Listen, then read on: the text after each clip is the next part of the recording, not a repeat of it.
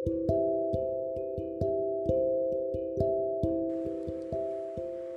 Re, welcome to Samun Talks.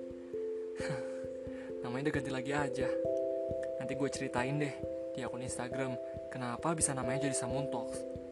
Oh iya, kalian apa kabar? Semoga kalian yang dengerin podcast gue Di mana pun dan kapan pun selalu dalam keadaan baik ya. Amin Kali ini mungkin topiknya lumayan sensitif Karena bagi sebagian orang yang pernah merasakan terjebak dalam hubungan yang gak sehat itu benar-benar sakit. Oh iya, sebelum bikin podcast ini, gue udah bikin riset kecil ke beberapa orang yang udah pernah ngalamin. Mereka baik banget mau cerita. Ya rata-rata dari mereka bisa masuk ke dalam toxic relationship itu karena mereka nggak benar-benar kenal sama siapa dia akan berhubungan. Semuanya serba terburu-buru deh. Kalian tau lah gimana. Kenapa kamu bisa bertahan padahal kamu tahu setiap dari kita itu berhak buat bahagia?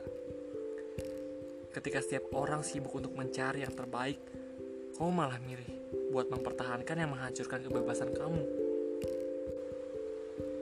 Bingung kan pasti rasanya? Karena sudah terlanjur mencinta. Buta kan segala hal yang sudah dibuat sakit.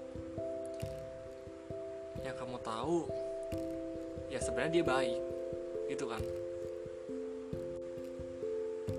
Kalau dia berbuat salah, dia janji bakal berubah demi kamu. Kok bisa? Harusnya kamu sadar, seseorang itu bisa berubah karena diri dia sendiri, bukan karena orang lain. Karena pada dasarnya, hal yang dipaksakan itu nggak akan berlangsung lama. Ibaratnya gini, kalau dia sekarang berubah hanya karena kamu, akan ada saatnya dia itu merasa ditekan, dan mungkin dia akan ninggalin kamu dan akan melakukan hal yang sama kepada pasangan selanjutnya. Itu namanya nggak berubah, tapi sandiwara. Kalau sekarang kamu berada di dalam hubungan ini, yuk pikirin lagi. Because we all deserve to be happy. See you.